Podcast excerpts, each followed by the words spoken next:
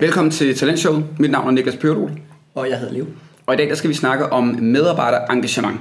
Og øh, først og fremmest, hvad det er, hvad det ikke er, og hvilken betydning det har for en øh, virksomhed, om ens medarbejdere de er øh, disengaged, altså uengageret i deres arbejde, eller om de er engageret i deres arbejde.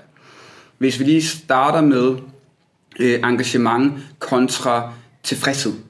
Fordi der, Der er forskel. Der er nemlig ret stor forskel, og, og det er der jo derfor også i forhold til, hvordan det bliver målt. Så der er mange, der gerne vil have høj medarbejdertilfredshed, men fordi det ikke nødvendigvis er det samme som medarbejderengagement, og måske heller ikke har samme impact på alle mulige andre faktorer, så er det i hvert fald det første, vi skal. Så Leo, medarbejderengagement, hvad er det? Og medarbejdertilfredshed, hvad er det?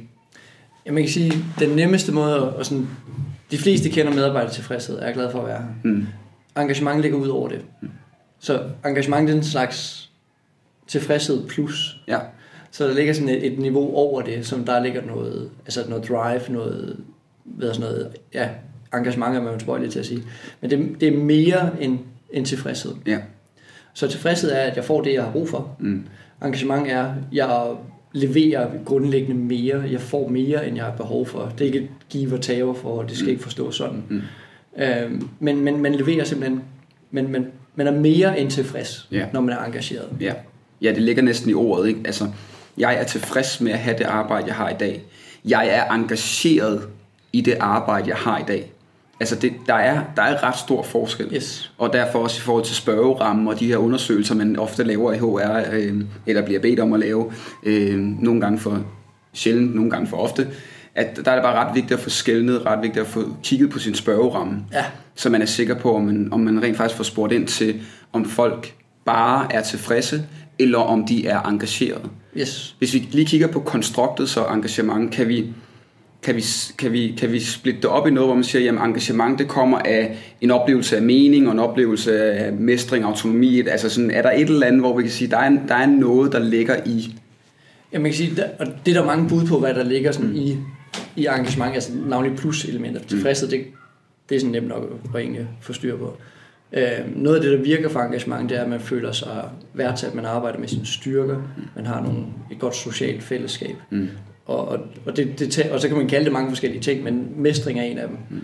Øh, jeg føler, at jeg bliver brugt til det, jeg er god til. Jeg er et nyttigt værktøj et eller andet sted. Mm. Mm. Øh, jeg har en god ven på arbejde, er en af de ting. Øh, Gallup måler på blandt andet, når de måler det. Så der, der, der ligger sådan en del ting egentlig i det. Øhm, herhjemme, GEIS, Mm. mm. spørgerammen fra, Ja. som KRIFA og Center for Dansk Lykkeforskning har lavet. Yes. Den ligger så meget tæt, den, den måler ikke på engagement, måler mm. på noget arbejdsglæde, tror jeg, de kalder det. Men det ligger så tæt nok op af til, at man kan sige, okay, det ville være en fin, hvis man skulle bare finde, du ved, et værktøj derude. Den der, Ja. den er ovenikøbet gratis. Ja, lige en af dem, bruger vi den. Ja, ja, og bare lige for, nu, nu skal vi jo ikke sidde og lave reklame, fordi vi har jo ikke nogen aktier i, Ingenting i. Geis, men, øh, men øh, jeg har nemlig kigget ned i det samme i forhold til, at, at, øh, at den forskning, de har lagt bag, og, og netop, at de har engageret sig med nogen, der ved noget om det. Ja, præcis. Øh, så, det øh, så ja, lad os da endelig gå ind, ind og tjekke det ud, fordi så, så er man godt på vej til at, at have en spørgeramme eller et måleapparat, som er noget andet og mere end normale tilfredshedsundersøgelser. Præcis. Ja. Præcis. Og så selvfølgelig det vigtige, det er engagement i forhold til forretningsresultater. Fordi det er jo sådan noget, altså det er, sådan, det er så mærkeligt, det er sådan en diskussion, vi altid skal have. Ja. Det er, at du ved, øh, diversitet eller medarbejderengagement eller sådan noget, det, skal, det, det kan kun forsvares, hvis det også skaber øh, tal. Øh, Bundlinjen. Bundlinje, bundlinje, toplinje eller et eller andet. Og skal, skal vi ikke bare lige en gang for alle, nu du og jeg er enige, så nu taler jeg til de andre. Hvad er det for en mærkelig instrumentel indgang, eller sådan en tilgang, vi har til mennesker? At diversitet er kun godt, hvis vi tjener penge på det. Medarbejderengagement er kun godt, hvis vi tjener penge på det. Altså ergo, om mine medarbejdere går på arbejde og føler, jeg har lyst til at være her, jeg er drevet i det, jeg bliver brugt til det, jeg er dygtig til, jeg har en god ven på arbejdet, som jeg har det fedt sammen med. Det er kun vigtigt, hvis jeg får flere penge ud af det. Det er 8 timer om dagen for nogle vedkommendes mindre, for nogle vedkommendes mere, men det er en stor del af det, af medarbejderes liv, de vi lægger hos vores arbejdsplads. Så har I fandme bare at tage ansvar for engagement, uanset om Leo han lige om lidt siger, at det ingen betydning har for, om en organisation performer på tal, eller om det har stor betydning for, at en organisation performer på tal.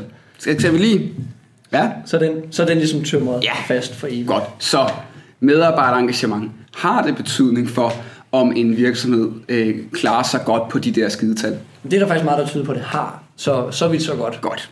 Så selv til de helt instrumentelt orienterede ledere derude, så det virker.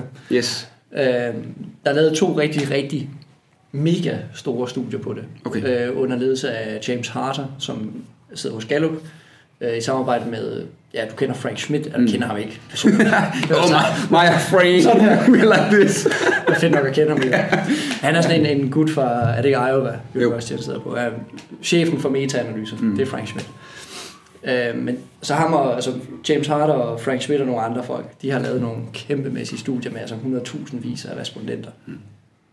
Øh, hvor de egentlig går ind og ser på, korrelerer det her engagement, korrelerer det med nogle business unit outcomes. Ja. Og ja. det er jo lidt det er interessant nok. Der er ma- masser, selvfølgelig er der masser af studier, der viser, at sådan, hvis vi lige er på individniveau, Mm.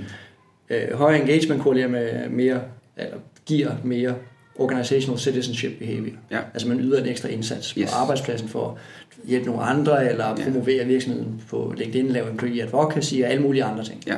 Så, men det er jo på individniveau. Mm. Vi kan også se, at folk bliver mere innovative. Okay. Øh, Det er der også studier, der viser. Mm. Men, men det, hvor det bliver interessant, er, når vi kan hoppe i niveau Mm. i virkeligheden. Og i 2002 laver Harder et øh, kæmpe studie sammen med de her folk, som viser, at højere engagement har bevisligt, eller korrelerer med business unit outcomes. Okay. Og vi snakker altså kundetilfredshed og absenteeism, hvad sådan hedder det, fravær, Ja. øh, indtjening, omsætning osv. Øh, ulykker, færre ulykker. Okay. Der er mange, der er mange ting, de får undersøgt. Der er også i øvrigt andre af Gallups meta-analyser. Så det kommer frem der i 2002. Mm. Det kritikeren vil sige er, jamen det er jo bare et korrelationsstudie. Ja, ja. Så selvfølgelig korrelerer det, men, men er det ikke fordi, at virksomheder præsterer godt, Yes. giver højere, Ja, øh, skaber mere engagement, Ja, så ja. er der ikke en, en faulty antagelse om direction of causality, Ja, som ja. det kaldes. Og, og jo, det er der i det studie, det anerkender de selvfølgelig også, de ved godt, hvordan man gør. Ja.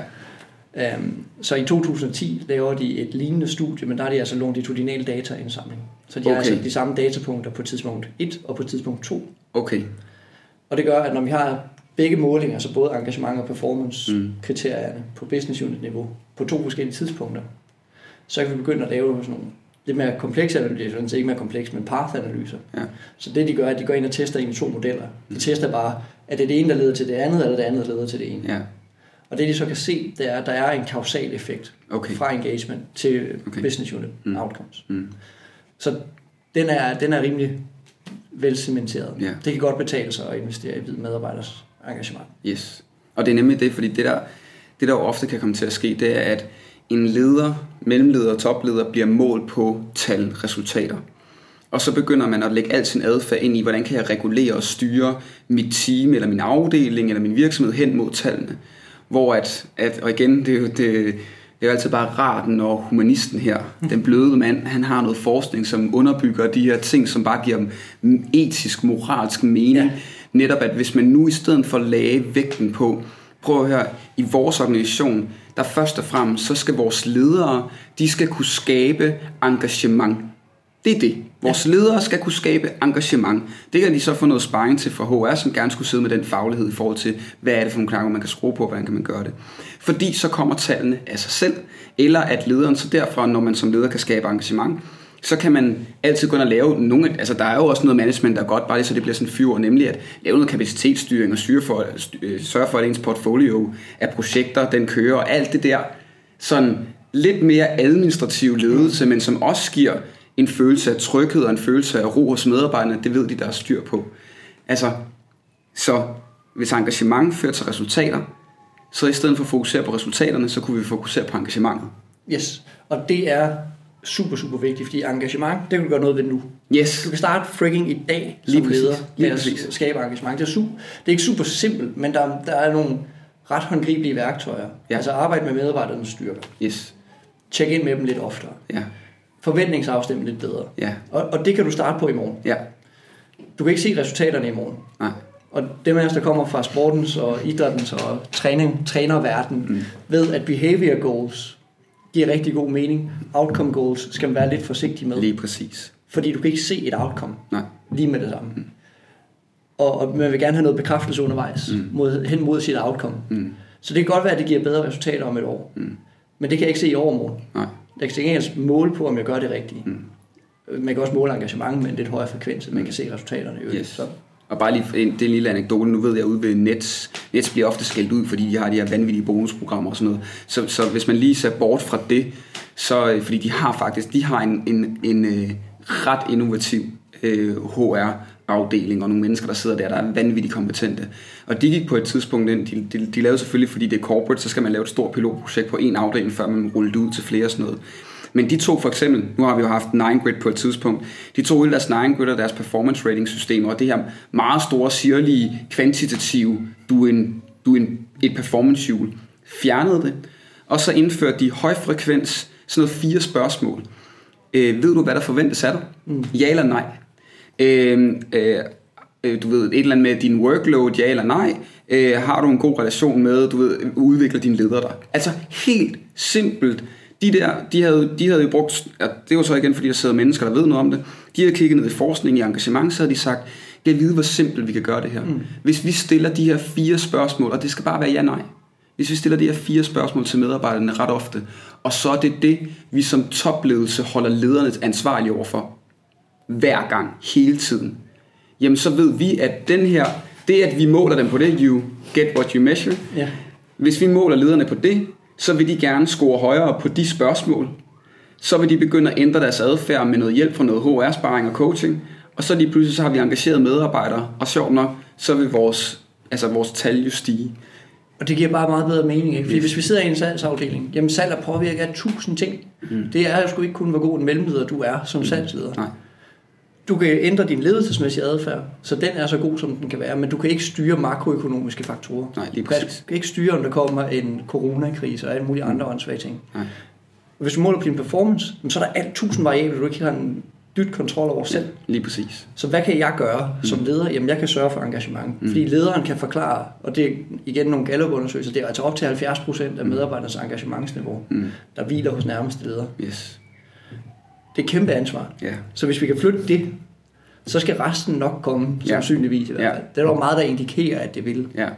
Ja, og ellers så, fordi alternativet det er jo, at man gør det modsatte, det at man siger, jeg skal performe bedre, så begynder man bare at sætte højere krav, Ja, tydeligere mål, så kundesupport, flere opkald på kortere tid, I skal bare lukke de samtaler, men, de skal, men I skal stadigvæk have tilfredse kunder. Ja. Altså så begynder man bare at rode med målsætningerne.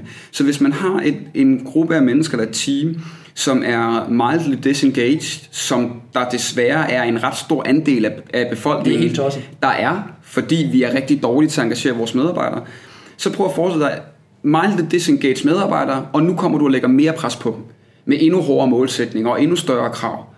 I stedet for at du gik den anden vej, og så sagde, okay, vi har problemer med at opnå nogle målsætninger.